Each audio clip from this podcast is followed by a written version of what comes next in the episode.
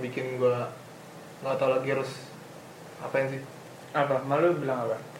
Udah gak usah kuliah jauh-jauh. Swasta aja nggak bakal masuk. Wah anjing. Nggak bakal keterima. Orang tuh sampai bisa ngomong kayak gitu. Langsung ngejat gitu? Iya. Wah di situ wah gila. Gue langsung ya bingung aja. Kenapa Parah gitu? kalau lu nih pin ada cerita tentang hal-hal yang kayak misalkan uh, lu misalkan lu lagi